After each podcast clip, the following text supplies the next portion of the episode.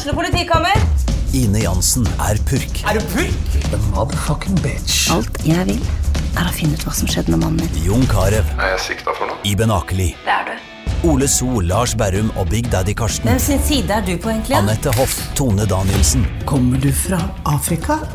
Jørnis Josef, Nesten. Kløfta. Trond Espen Seim, Det er synd å si det, men det var feil mann som døde.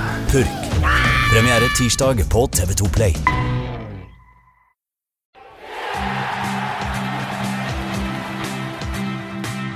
Da ønsker vi velkommen til en ny episode av TB Fotball.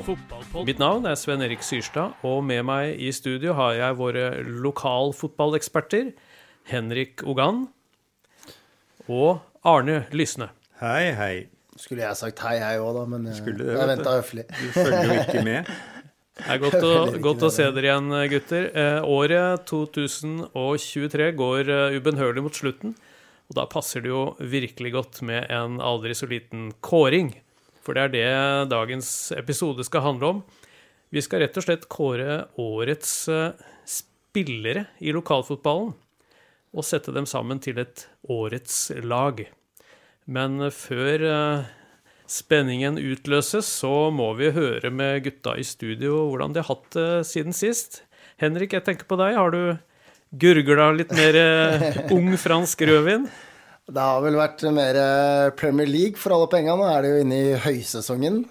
Så er det jo den eneste tida i året jeg får virkelig tid til å se på TV-serier, så da kan jeg jo hjelpe lytteren med å få noen gode tips eh, i romjula, f.eks. Kokkeserien The Bear. Meget, meget bra. Sesong to. Sesong to, ja. Er det noen episoder der som Juleselskapet.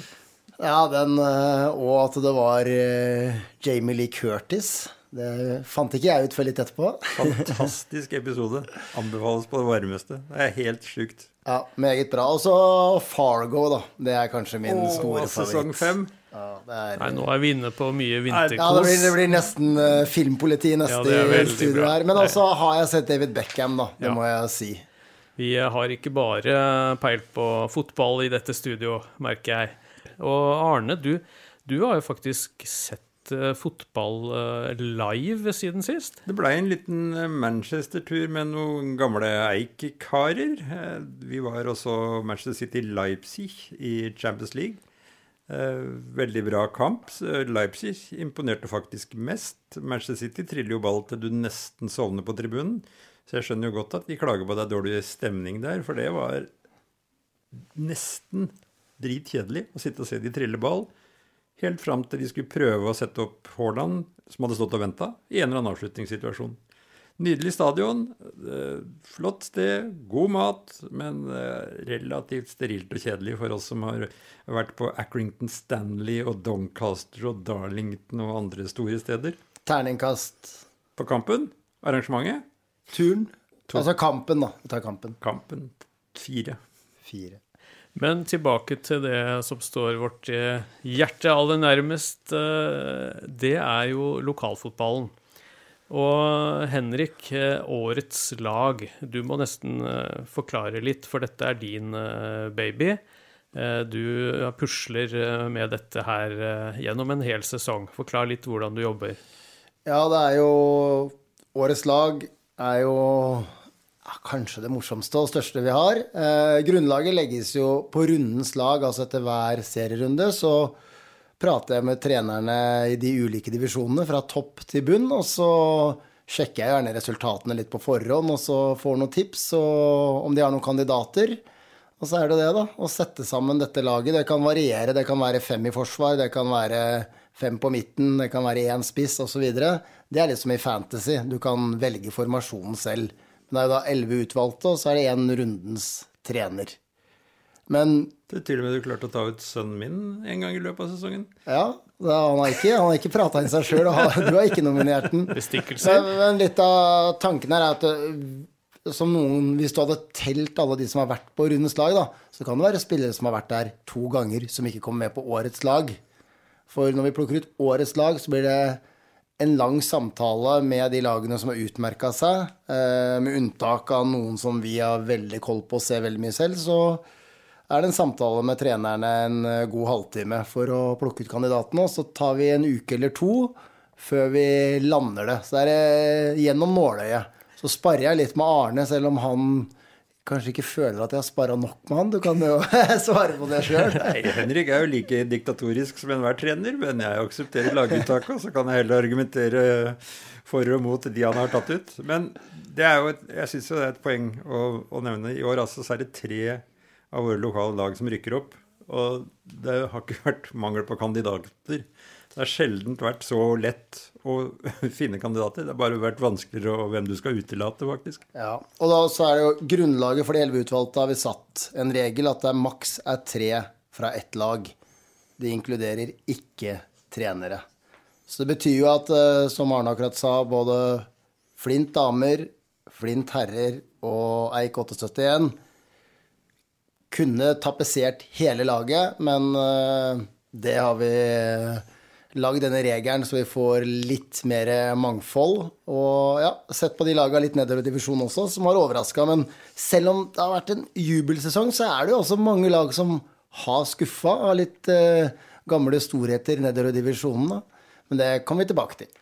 Ja, og jeg lurer på om vi bare skal dundre løs med elveren. Eh, jeg sjekka at det var ca. 70 seniorlag eh, som spiller elverfotball på kvinne- og herresida i Vestfold.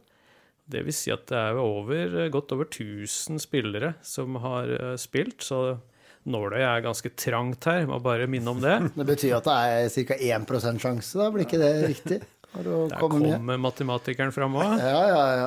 det er nydelig. Men eh, denne, dette årets lag, Henrik, der har du valgt en formasjon som er 4-3-3.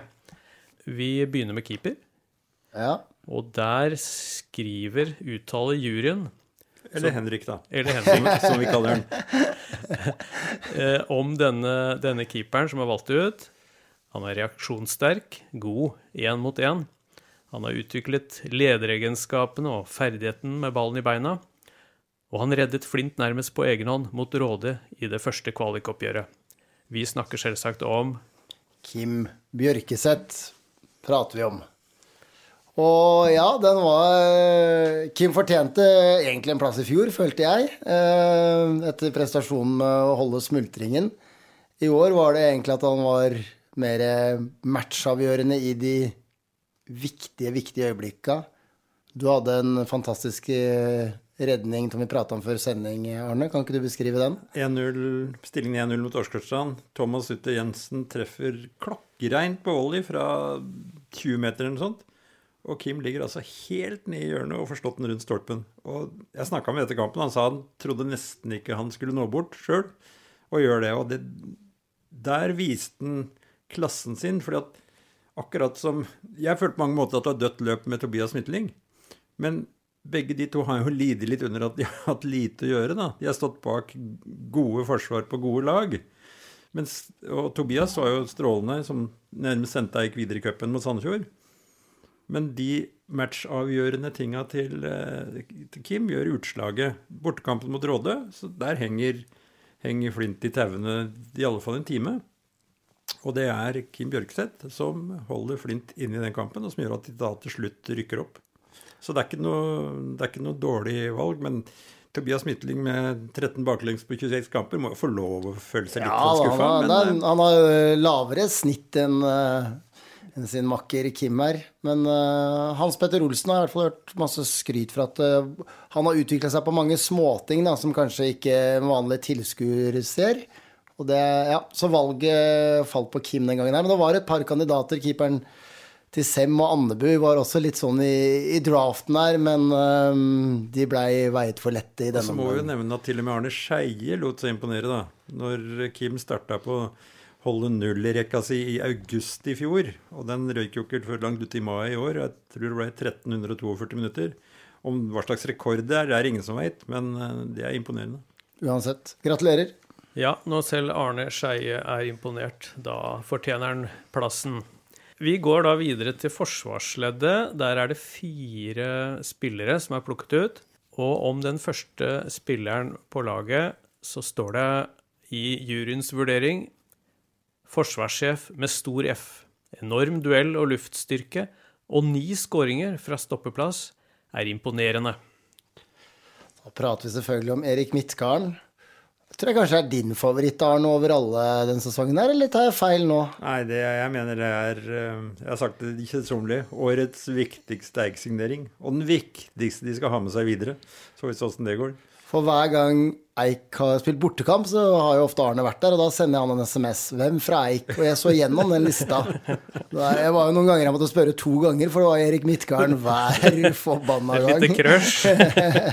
Nei, men han, han har nesten ikke tapt en eneste avgjørende duell. Han har spilt seg bort inn i oppspillsfase én eller to ganger, og da tror jeg han søren meg var mannen som redda opp også. Kom tilbake. Han har spiller med så stor selvtillit at Eik kan spille mann-mann over hele banen. og De presser til og med inn på motstanderens banehalvdel. Og når Eik ligger lavt, så dominerer han innen egen 16-meter. Pluss på målteft i tillegg, så tenker jeg for en pakke. Ja, for, et, for, et, for, et, funn! For et funn, og det var jo helt tilfeldig. At det var en treningskamp som ikke skulle vært spilt engang. Så det er, liksom, det er jo sånn Det er jo en kjærlighetshistorie som man uh, blir rørt av. Ja, ja og, og, selvskreven på årets ja, men altså, lag. Var det litt med signeringene du gjorde i sesongen før, som da var det veldig mye rart bak i den uh, forsvarstreeren. Uh, og nå ja, fant de rett mann til rett plass. Han har akkurat fylt 36, og han er imponerende gjennomtrent. Altså en skikkelig maskin. Så må jeg jo nevne, han er jo eh, litt av en fyr i garderoben nå. På vei hjem fra Mandal i bussen, russebussen som de kalte den, så forsyner han seg med mobilen til Kjetil og til Nick, tror jeg, og begynner å ringe opp diverse folk. Så han ringer opp Ståle Solbakken, Kjetil Rekdal, Erik Thorstvedt. Alt over uh, høyttaleranlegget i bussen. Det spør du meg, så er det en stor pluss i margen. Alle lag trenger en sånn uh, kar i garderoben. Det er strålende. Vi går videre til neste forsvarsspiller på årets lag. Og om denne karen eh, Han blir bare kalt for Mr. Reliable, og det er da det er ikke Dennis Irvin, altså, som, som hadde det kallenavnet for Fergusons uh, Army, men det, det, er en helt annen kar. Han er kanskje den største årsaken til at Barkåker for andre sesong på rad slapp inn færrest mål med sin oppofrende spillestil, enorme løpskraft og offensive bidrag. Hvem er dette? Dette er Martin Dalen faktisk. Det, han hadde hard konkurranse fra flere i denne barkokkerstallen, som altså tatt femtedivisjon med storm. Det gikk dessverre ikke veien borte mot Holmestrand. Det ble en skandalekamp. Det var sure saker for Barkokker. Ja, det lå De taper altså mot et lag som ikke har noe å spille for, og avslutter med fem gule og et rødt kort. Det var lite ærefullt, altså. Ja, men vi kan ikke ta fra Martin Dalen prestasjonen. Altså, jeg Altså, Jeg får jo noen kandidater fra Barkokker, da, og jeg må si at jeg ble svak for han. De har jo to trenere. Han ene er jo rektor på Byskogen, så han ser jeg jo ofte i nærmiljøet. Ikke når guttungen har blitt sendt til rektor, men, men sånn eh, ellers. Så han har på en måte litt sånn Litt Erik Midtgarden light, da. Vært eh, limet bak der og figurert på flere plasser. Og kanskje den litt sånn usynlige kjempen, som de har kalt den av og til. Så Barkåker de eh, gjorde alt denne sesongen, bortsett fra at det svikta i siste match. Men Dalen han har ikke gjort en eneste dårlig forestilling. Og da han, han er faktisk den eneste på årets lag jeg ikke har sett spille live. Så der kan jeg ikke uttale meg så, så med så mot, stor tyngde. Jeg så han mot Flint 2, og da var jeg imponert, for å si det 23 år gammel, så han kan jo fortsatt uh, bli bedre, han. Absolutt. Så det er, eh, det er kult. Og det kallenavnet ja. Syrstad, det kan du like. Det kan jeg virkelig like. Selv om det er tøffe dager for United-fansen. Nå skulle vi ikke snakke om det i dag heller, men jeg syns det bør nevnes. Det er på sin, sin plass. Ja, ja, Ellers må jeg si at Barkåker eh, de kan vel innstille seg på at det er én opprykksplass å kjempe om neste sesong. Hvis, det, hvis, den, sats, hvis den satsinga til Larvik-turen eh, slår til der nede, hvor de har sendt brev på 19 spillere eller hva det er for noe, fra halsen Med Petter Belsvik som ny uh... Men Barkåker har altså Det er mange gode fotballspillere som har gått uh, barneåra i Barkåker, spilt ungdomsfotball og seniorfotball i Eik, og tilbake igjen i Barkåker nå. Så jeg tror Barkåker har en ja, fair sjanse neste år igjen. Da har de prøvd å få et juniorlag på beina. altså De gjør mye riktig der oppe, så ja Kudro og gjengen. Og det, at, det der at de drar til Eik og spiller der noen år, som er et, åpenbart et, et, samarbeidsklubb, og kommer tilbake igjen. At ikke det var sånn som det veldig ofte skjedde i FK Tønsbergpartiet, at de talentfulle spillerne dro dit. Lyktes ikke. Slutta. Og visste dere at Barkåker er, jeg tror det er den nest største gressbanen i Vestfold? Visste jeg ikke. Det er godt å høre. Så det er veldig ofte de Ja. avgjør da i det siste kvarteret, når man blir mørna, så buer banen litt ut på kantene. Veldig lett å tråkke over. Så jeg anbefaler å spille trange ledd når du legger deg lavt. Det er nyttige råd fra TB Fotballpodkasten. Men da, Martin Dalen altså, et lite plaster på såret for at eh, opprykket glapp for Barkåker der. Vi går videre, og i forsvarsleddet så har vi funnet plass til en jente. Om henne så står det 'klok spiller', som er plasseringsdyktig, trygg med ball og har en presis pasningsfot, som oser autoritet på banen. Dette er da ingen ringere enn Marte Røkås. Hun har vært der mange ganger. Og ja, i opprykkskampene mot eh, Solberg Mjøndalen 2 så hadde hun også en fantastisk målgivende, men det er veldig ofte når Anders Skarbevik, da, treneren der, eh, prater om laget, så er på en måte Og Marte hun er jo mor i huset der, og det er veldig mange unge spillere. Og hun går alltid foran i krigen og gjør sjelden en eh, dårlig match. Kunne sikkert spilt på midten også, men eh, Divisjonens, divisjonens beste spiller. ja, og så syns jeg prestasjonen til henne og til Flint Altså, de møter Sandefjord 2, som nærmest har Jeg skal ikke si to fullgode elvere, men de har et meget, en meget stor stall med de beste jentene lokalt. Og så har du Ørn, som eh, med Gashi, som eh, er meget god. De har jo også et solid lag. Mange med erfaring fra øvre nivå. Så hva er det jeg fant ut? At det var, de kom seks poeng foran SF og åtte poeng foran Ørn. Og det var aldri noe tvil i det returoppgjøret på Flint S Arena i eh, siste Morsomt å skåre ni mål, hun òg. Som Erik Midtgarden. Og som Erik Midtgarden så har hun rygga gjennom lag, lagdelene. Ja, og hun er vel lærer, og det er vel han òg. Ja. Og som, som Marte sa, hun, eh, hun, begynte, hun har jo alltid vært sånn der uh, allestedsnærværende midtbanespiller som fløy fra 16 meter til 16 meter. Men så når formen ble dårligere, så fant hun ut at det var lettere å spille forsvar. Og hun syntes ikke det var så veldig stas å innrømme i begynnelsen, men hun sa jo det på en av de podkastene hun var hos oss, at etter hvert så hadde hun begynt å like det. Ja. Og hun har jo vært god i den posisjonen. Og det var litt som uh, Mathea Solumdal sa her for uh, noen dager siden, at uh, hva skiller lagene i divisjonene? Det er gjerne enkeltspillerne. Og det er nettopp det Marte Røkås er. Det er jo spennende å se hva Flint kan få til nå i tredjevisjon for kvinner neste år, da. Den avdelingen kom nå, om den kom i dag, den er så tøff. Ja. Den er så tøff. Du har eh, Godset, du har Nanset som har rykka ned, du har Amazon Grimstad. Altså, Flint, det er bare for uh, de rike onklene der ute å åpne pengebøkene og signe. De er jo byens beste kvinnelag. Og det er jo en plass der nå, sånn som Eik for så vidt har rygga nedover gjennom divisjonene. Så er, er Flint klare til å ta den? Er de villige til å ta den som byens lag? Fordi at da må de jo åpne opp og hente spillere fra andre klubber, samtidig å skyve ut en del av de som har spilt der i alle år. Så det er jo en uh, Det er en avveining, men jeg tror vi i hvert fall fikk en erfaring for to år siden, da, når uh, det blei for tøft.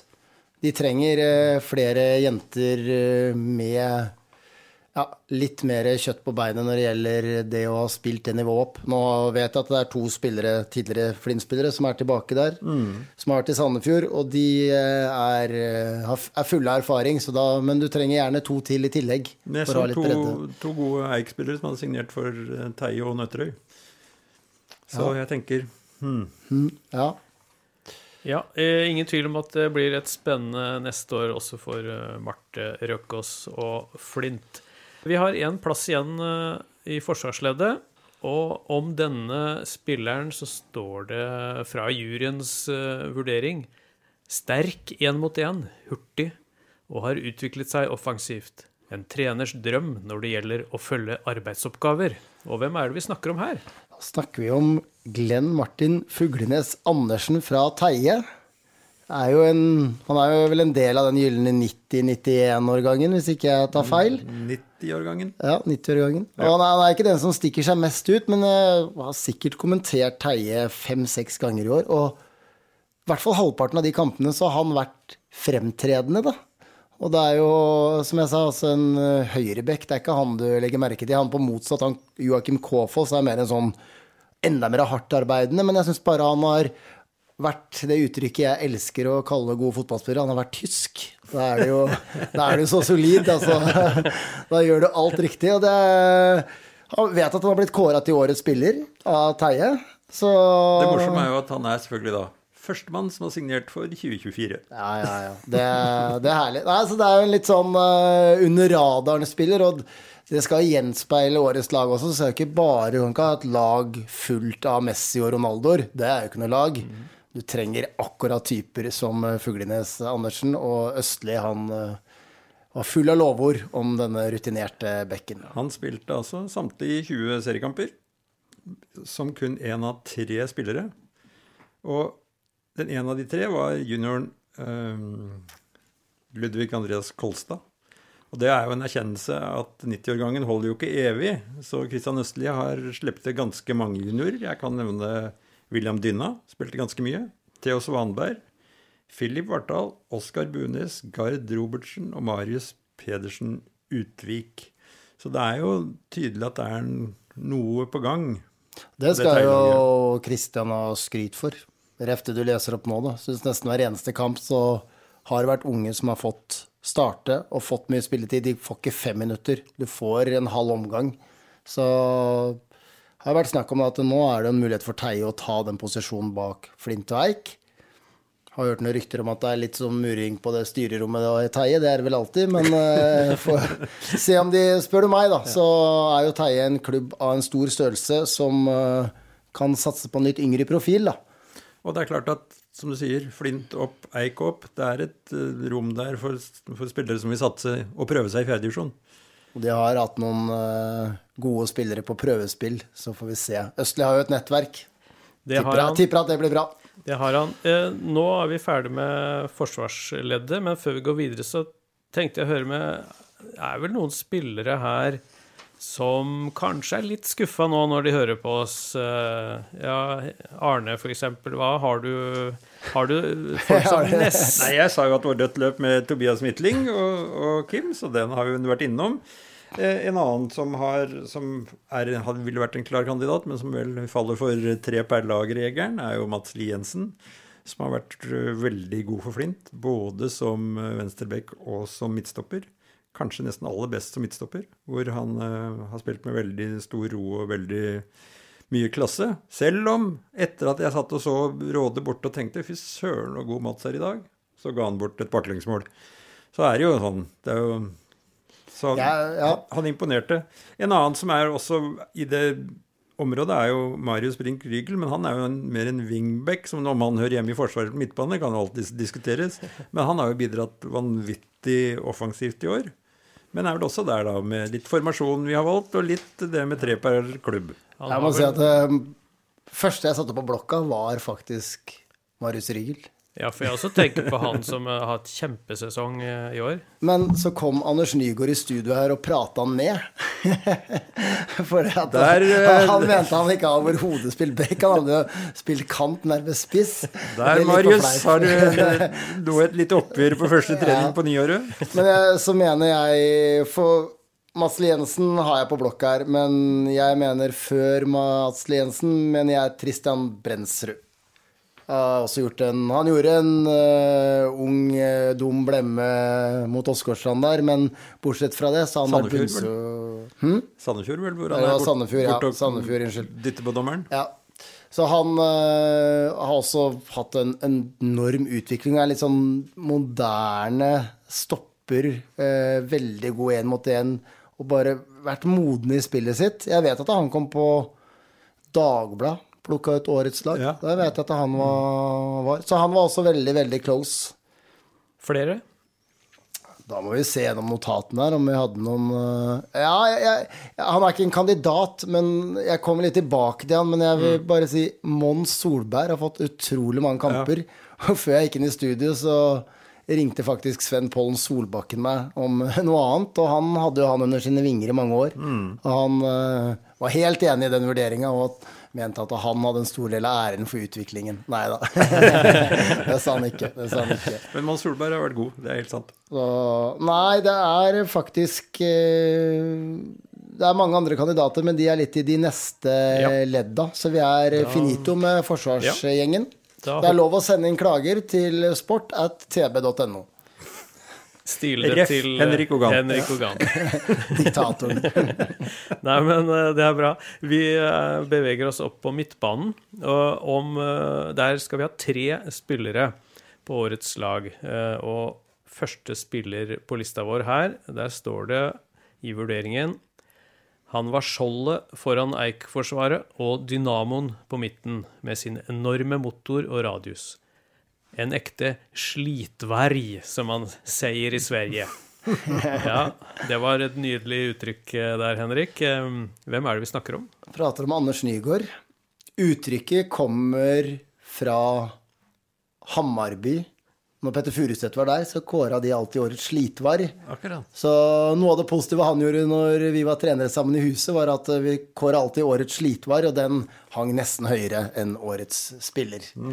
Det er jo da, ja Det sier jo seg selv. En uh, som jobber utrettelig, som ingen Aldri ingen ser, aldri gir opp. Og det syns jeg også nesten var Når vi prater om midtkaren, så føler jeg når Anders Nygaard fikk den nye posisjonen, så var det som en ny signering. Som var hans gamle posisjon. Ja, ja, det, ja, men jeg hadde nesten bare sett Nygaard i den hengende spissen, offensiv. Altså, jeg tenkte i alle år han må jo være mye bedre dypere på banen, selv om jeg visste han hadde spilt der. Og det å se han i den rollen var, var noen enkeltkamper jeg bare ja, blei litt uh, blenda av Det er deilig å se defensive spillere som bare gjør den jobben han har gjort i hele sesongen, egentlig. Og så var han vel eh, litt prega av skader eh, forrige sesong, eh, Ja, minst jeg. sleit med en akilles i ganske lange perioder, som gjorde at han eh, var dårligere, lavere nivå enn det han har vært på et par år.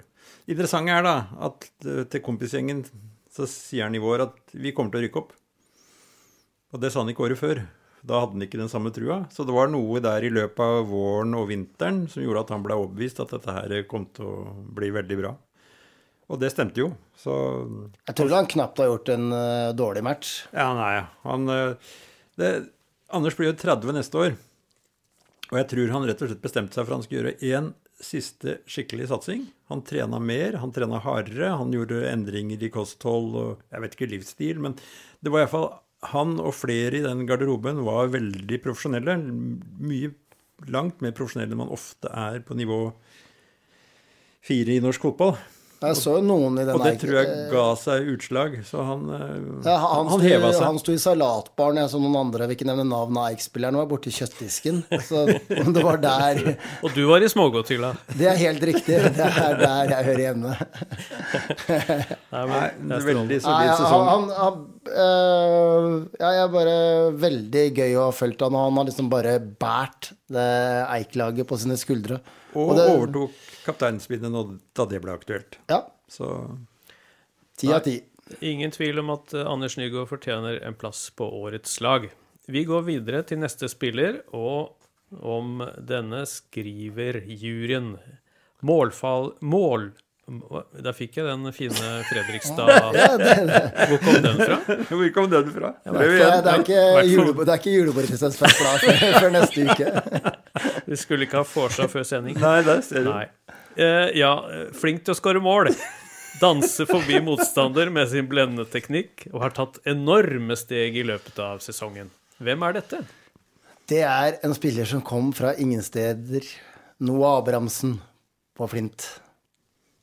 Han øh, Flint-leiren har virkelig stemt han fram også.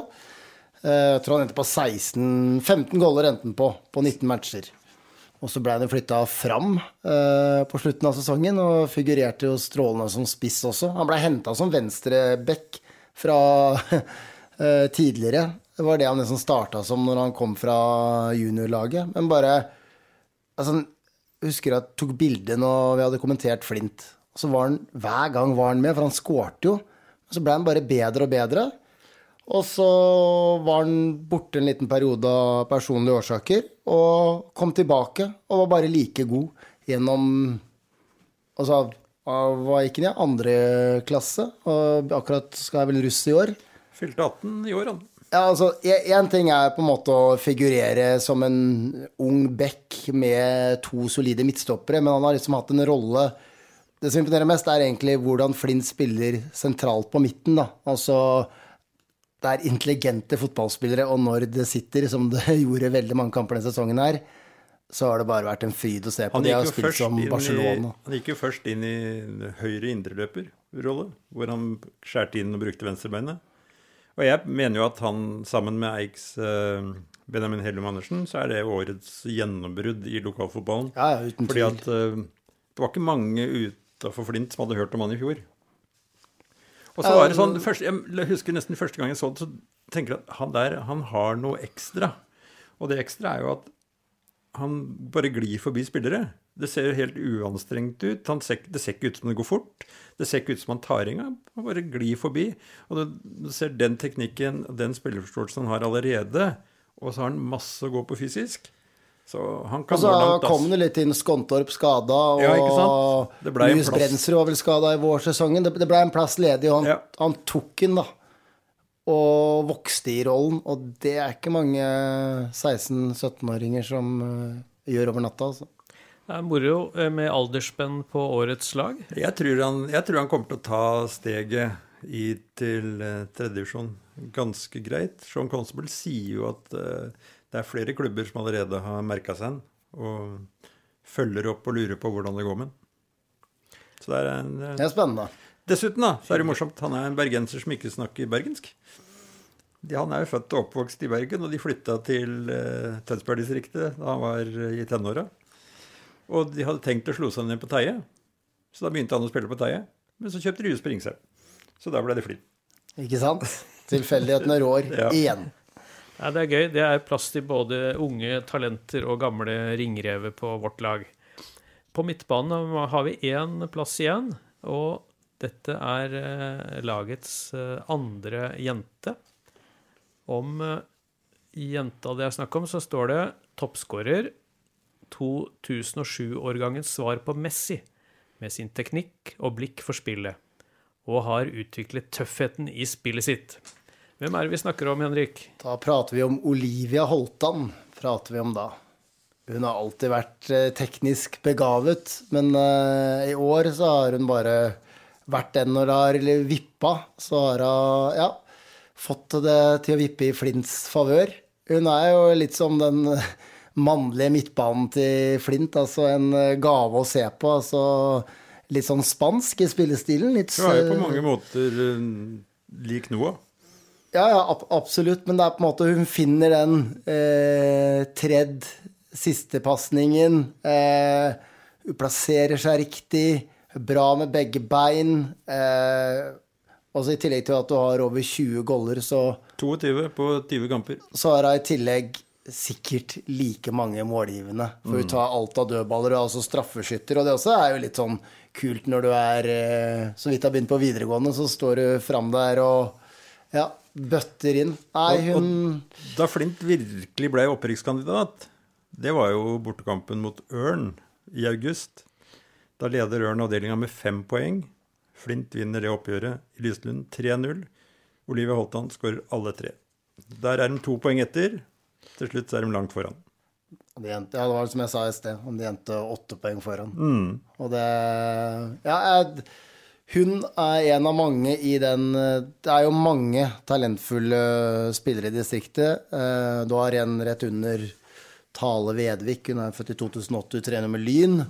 Eh, Men det gror godt i jentefotballen. Jeg tror det er veldig viktig at Flint nå tar den posisjonen det er jo sammen med Sandefjord. Jeg ser ikke bak Sandefjord. Men altså, hvorfor kan de ikke få til noe i Tønsberg? Og Teie Nøtterøy eh, hadde et jente 15-lag i år, hvor alle jentene er 14. Og de fulgte Flint til døra i interkrets. Så det, er jo, det mangler jo ikke på talenter. Så vi får se. Nei, gratulerer til Olivia. Hun er en stjerne. Det var moro. Eh, nå har vi gjort klar eh, midtbaneleddet, men før vi går videre er vel noen eh, spillere dere har diskutert heftig her, eller? Ja, nå sa jo Arne Benjamin Høllum Andersen, altså. Ja. Det, er- det er jo en close call mellom uh, han og Noah, for, for min del i hvert fall. Min òg. Jeg syns de er to litt samme typene. Men uh, jeg føler at Benjamin hadde en liten dupp i høstsesongen. For meg ble det avgjørende, pluss at han skårte litt grann for lite mål.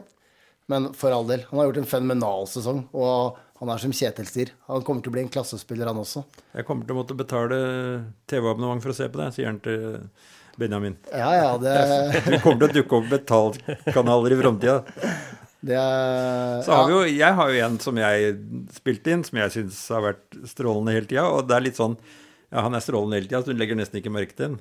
Cristian Rinaldo på Flint er jo hvis, hvis du ser hvor mange cornere og frispark som han slår som det blir skåringer av, det er ikke få, altså. Han er jo og den nesten hver eneste gang så dukker Krishan opp i enden av dem. Han er jo en quarterback, da, for Ja. å si det sånn. Det er han. Og så setter han på butikken to ganger, kjøper alltid sjokomelk.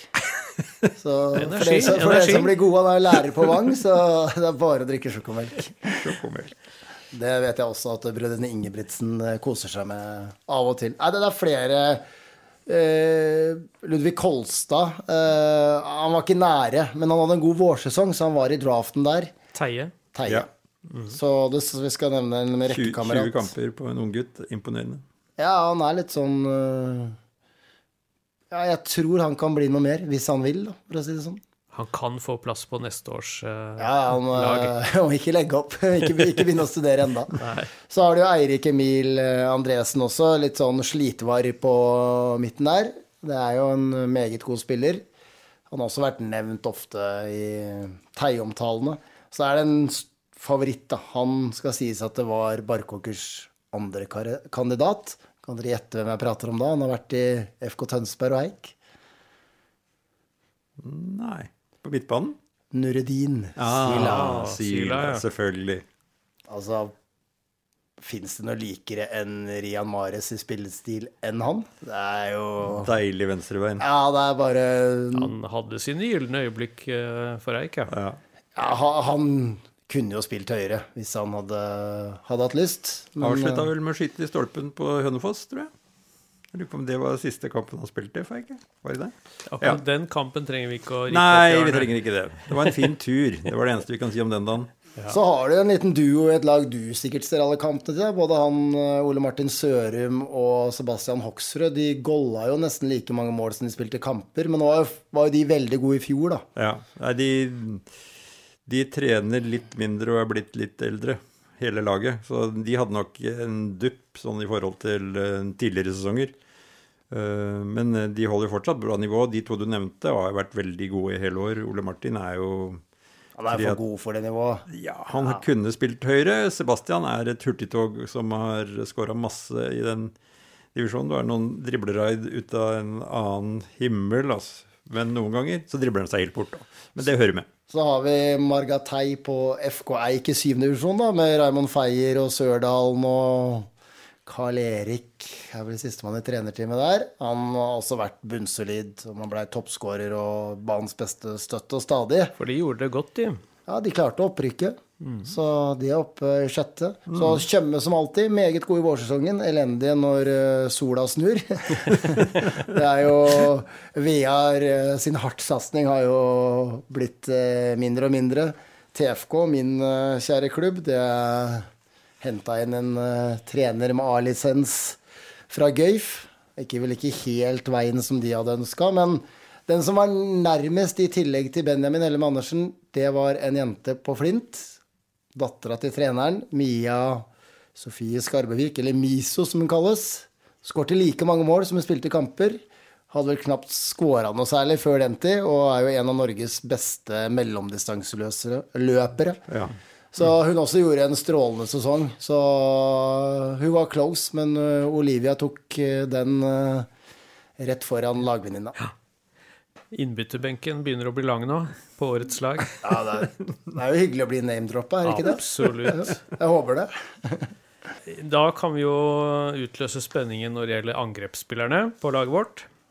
om eh, den første spilleren på årets lag eh, i angrepet. Der eh, heter det toppskårer i fjerdedivisjon. Smart i boks og en avslutter av ypperste klasse. Og da snakker vi selvsagt om Da snakker vi om Gussi, da. Anders Gustavsen på Åsgårdstrand, ja. 36 pinner. 66 mål på 28 kamper i fjerde- og femtedivisjon for Åsgårdstrand. Det er helt tullete tall. ikke sant? Han fikk, fikk eh, egen drakt med 50 bakpå når han hadde skåra det, og han brukte den 21 kamper nå. Ja, det, det som kanskje gjør meg mest glad med Gustavsen, er at eh, for vi som nå blitt er og blitt gamle, så er han en sånn gammeldags spisstype. Altså, han er bare sånn Jeg får sånn Gary Lineker, Alan Shearer-følelse. Han bare gjør én ting, og det er å score mål, og så tenker man at å, det er lett, men det er det vanskeligste i fotball. Ja. Det har jo vært en del sånne spisser opp, men jeg tenker, de er jo ikke spesielt gode til noe. Annet enn å skåre mål. Nettopp. Men han er jo god til, han er jo god til veldig mye, men nei, jeg, jeg blir litt sånn han er jo bare 32, da, så han kan jo holde det gående noen sesonger til. Han er jo klar for 2024, veit jeg. så... Han er jo sulten, og nå har han jo fått eh, Sødlund til å servere seg. Det er en sjokkovergang. Ja, det i blir lokalfotballen. Men kjenner, jeg, men kjenner jeg Anders rett, så tenker han fortsatt på den der eh, mot Flint fra tre meter, som han setter over. Det På skal jeg love 1-0. deg, love deg han gjør. Da dro han buksevann på seg sjøl etterpå. Det var, da var han ordentlig fortvila. Altså. Så skal vi, bare for å drafte tilbake, altså Nuno Suárez har jo blitt eh, løfta fram av eh, trenerteamet til Åsgårdstrand. Han fortjener eh, å få skryt. Han også er jo en spiller som er altfor god for det nivået. Ja. Så han var ikke i nærheten av årets lag, det må jeg understreke. Der er eh, limiten satt høyere, men han gjorde en god sesong. Og hvis vi igjen tar oss en tur om Larvik og sier at Larvik-turen plukker fra hverandre halsen, så er jo plutselig Åsgårdstrand opprykkskandidater. Tidlig opprykkskandidater allerede nå i desember. Og for det er ikke sikkert helt hvem som skal følge dem. Nei, ballklubben er i oppløsning, så Ja, ikke sant? Og Åsgårdstrand ble jo historisk i år. De kvalifiserte seg til NM for første gang i klubbens historie. Der skal de spille kvalik i vår. Det er mye moro å se fram til også neste år, eh, i badebyen. Og vi går videre med årets lag og angrepsspillerne, vi. Eh, om neste, neste spiller så står det en nytelse å se han spille fotball. Med sin ballbehandling, smartness i bevegelsesmønstre og avslutningsegenskaper. Og hvem er dette, Henrik? det er trollmannen Adrian Krysjian Fra Flint. fra Flint. Helt riktig. Hva skal vi si? Du hadde en beskrivelse i stad. Han skårer, masse mål, han skårer masse viktige mål. Men noe som, jeg, som sitter som et sterkt minne, det er da Flint utligner bort mot Råde. Mons Solberg avanserer på høyresida, slår et innlegg over mot venstre. Jo, der er Christian. Det han gjør når ballen er på vei, lite dytt i forsvarsspilleren, skaffer seg en halvmeter, og så bare serverer han med en enkel heading ballen ned til Noah, som banker inn 1-1. Og det er sånn pur klasse i måten han beveger seg på, og måten han gjør det der. Ingen andre, nesten, som jeg ser i lokalfotballen, som gjør akkurat det samme. Ja, nå, hvis du følger med på den, så som alle Martin Ødegaard, da, som er liksom en av verdens beste på å skanne. ikke sant? Se før du får ball. Han finner de lukene. Han er hele tida trekk foran motstanderen, da. I veldig mange tilfeller. Dukker opp på riktig sted til riktig tid. Og noen av de måla hans i år Langt på overtid nede i Sandefjord mot Runar på 1-1. Uka etter de har tapt hjemme mot Sandefjord Ball og kanskje rota bort opprykket etter det gule kort-surret mot Teie. Da dukker han selvfølgelig opp og ordner seiersmålet som gir 2-1 mot Askerstrand i, sin- i seriefinalen hjemme. Gir han 1-0-målet, ordner han det, sånn at Flint får kampen sånn som de ønsker.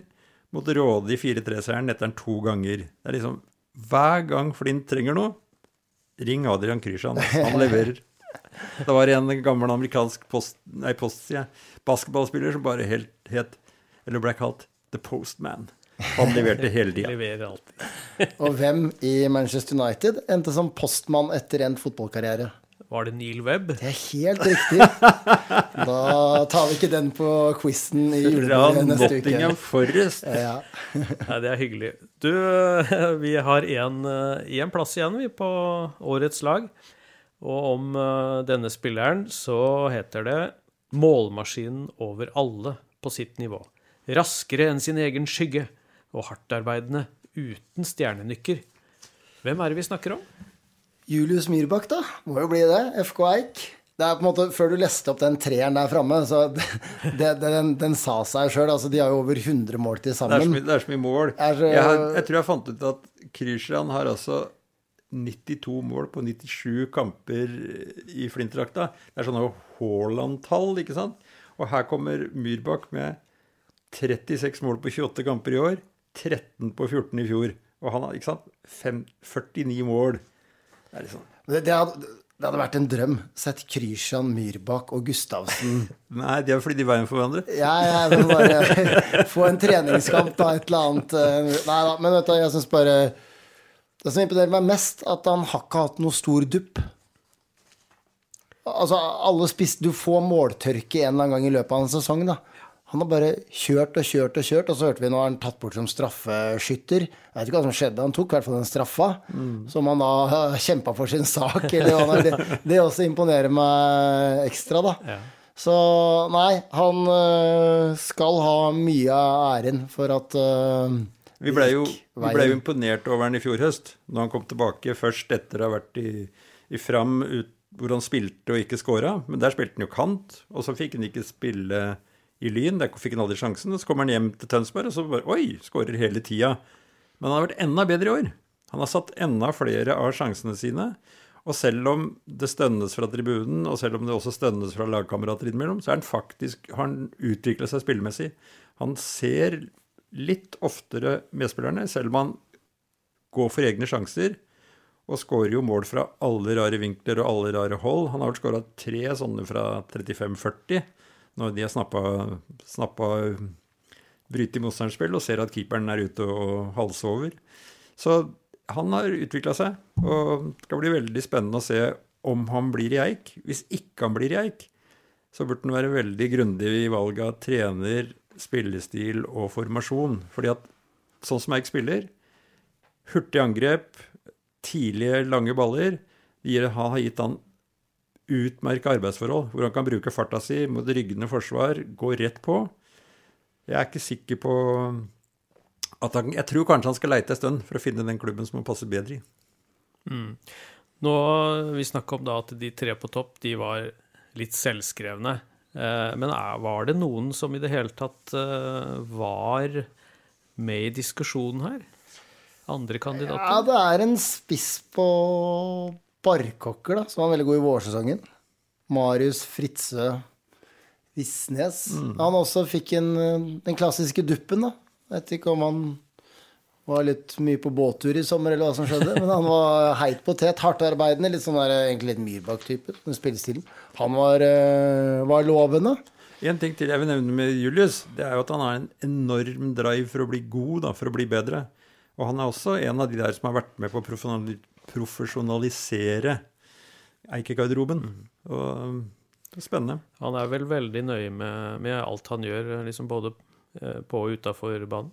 Det er, han er veldig dedikert, altså. Det er jo Haaland også, selv om han og gutta tar seg en kebab av og til etter landskap, når ikke vi har kvalifisert oss.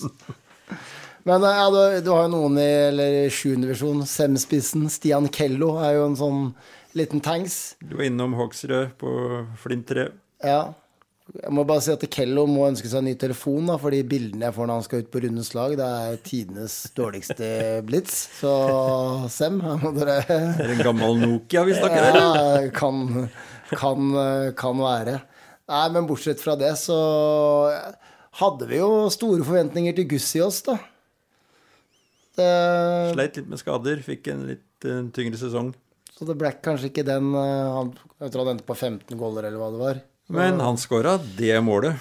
Skåra det målet. Ja. Det, det er til syvende og sist det det handler om. Så Absolutt. bortsett fra det, så De var så soleklare, de tre her. Ja. Helt enig. Nei, men det er strålende, gutter. Jeg lurer på om vi skal sette strek, eller er det noe mer på hjertet her? Vi har glemt trenerne.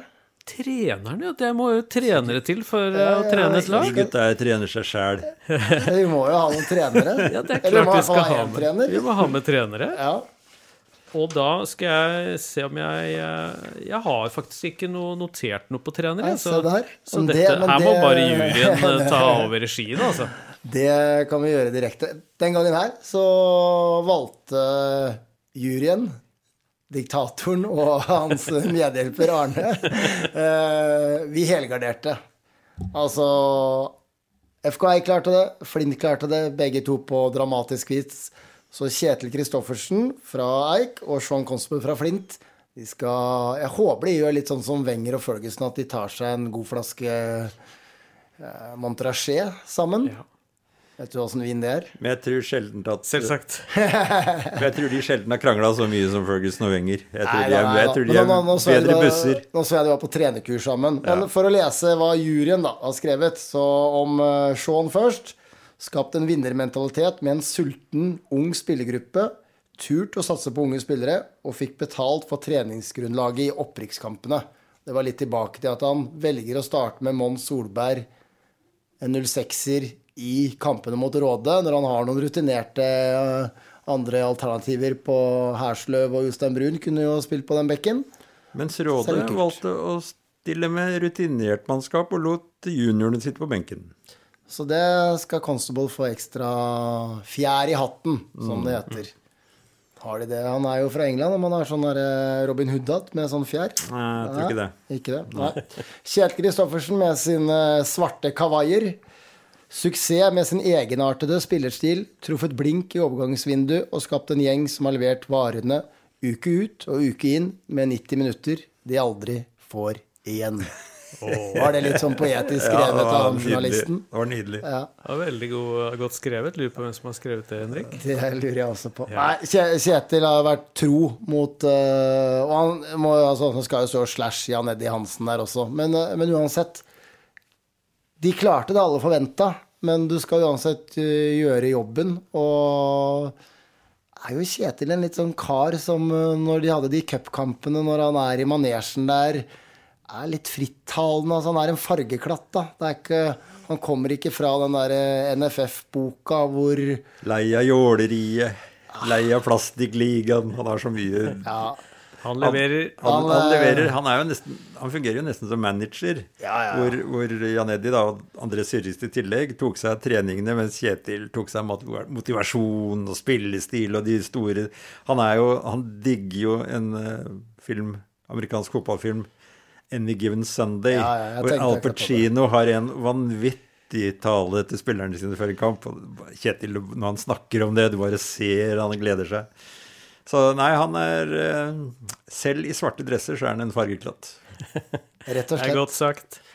Da er vi ved veis ende, gutter. Da har vi kåra årets eh, lag med elleve spillere og to trenere på benken. Vi eh, i TB Fotball vi tar en liten juleferie, men vi lover å være tilbake straks over nyttår med mer preik om fotball. Så kryper vi inn i sofaen, ser litt på The Bear og Fargo. Og så sier vi vi høres snart igjen. God jul. Ha det. Fotballpodden. Du har hørt TB Fotball, en podkast fra Tønsbergs Blad. Husk at du kan bruke abonnementet ditt til å se hundrevis, ja tusenvis av fotballkamper på tb.no – direktesport. Denne episoden er produsert av Marie Olaussen og Sven Erik Syrstad. Vår ansvarlige redaktør er Sigmund Kydland, og velkommen tilbake i neste episode. Har du et enkeltpersonforetak eller en liten bedrift? Da er du sikkert lei av å høre meg snakke om hvor enkelt det er med kvitteringer og bilag i fiken, så vi eh, gir oss her, vi. Fordi vi liker enkelt. Fiken superenkelt regnskap.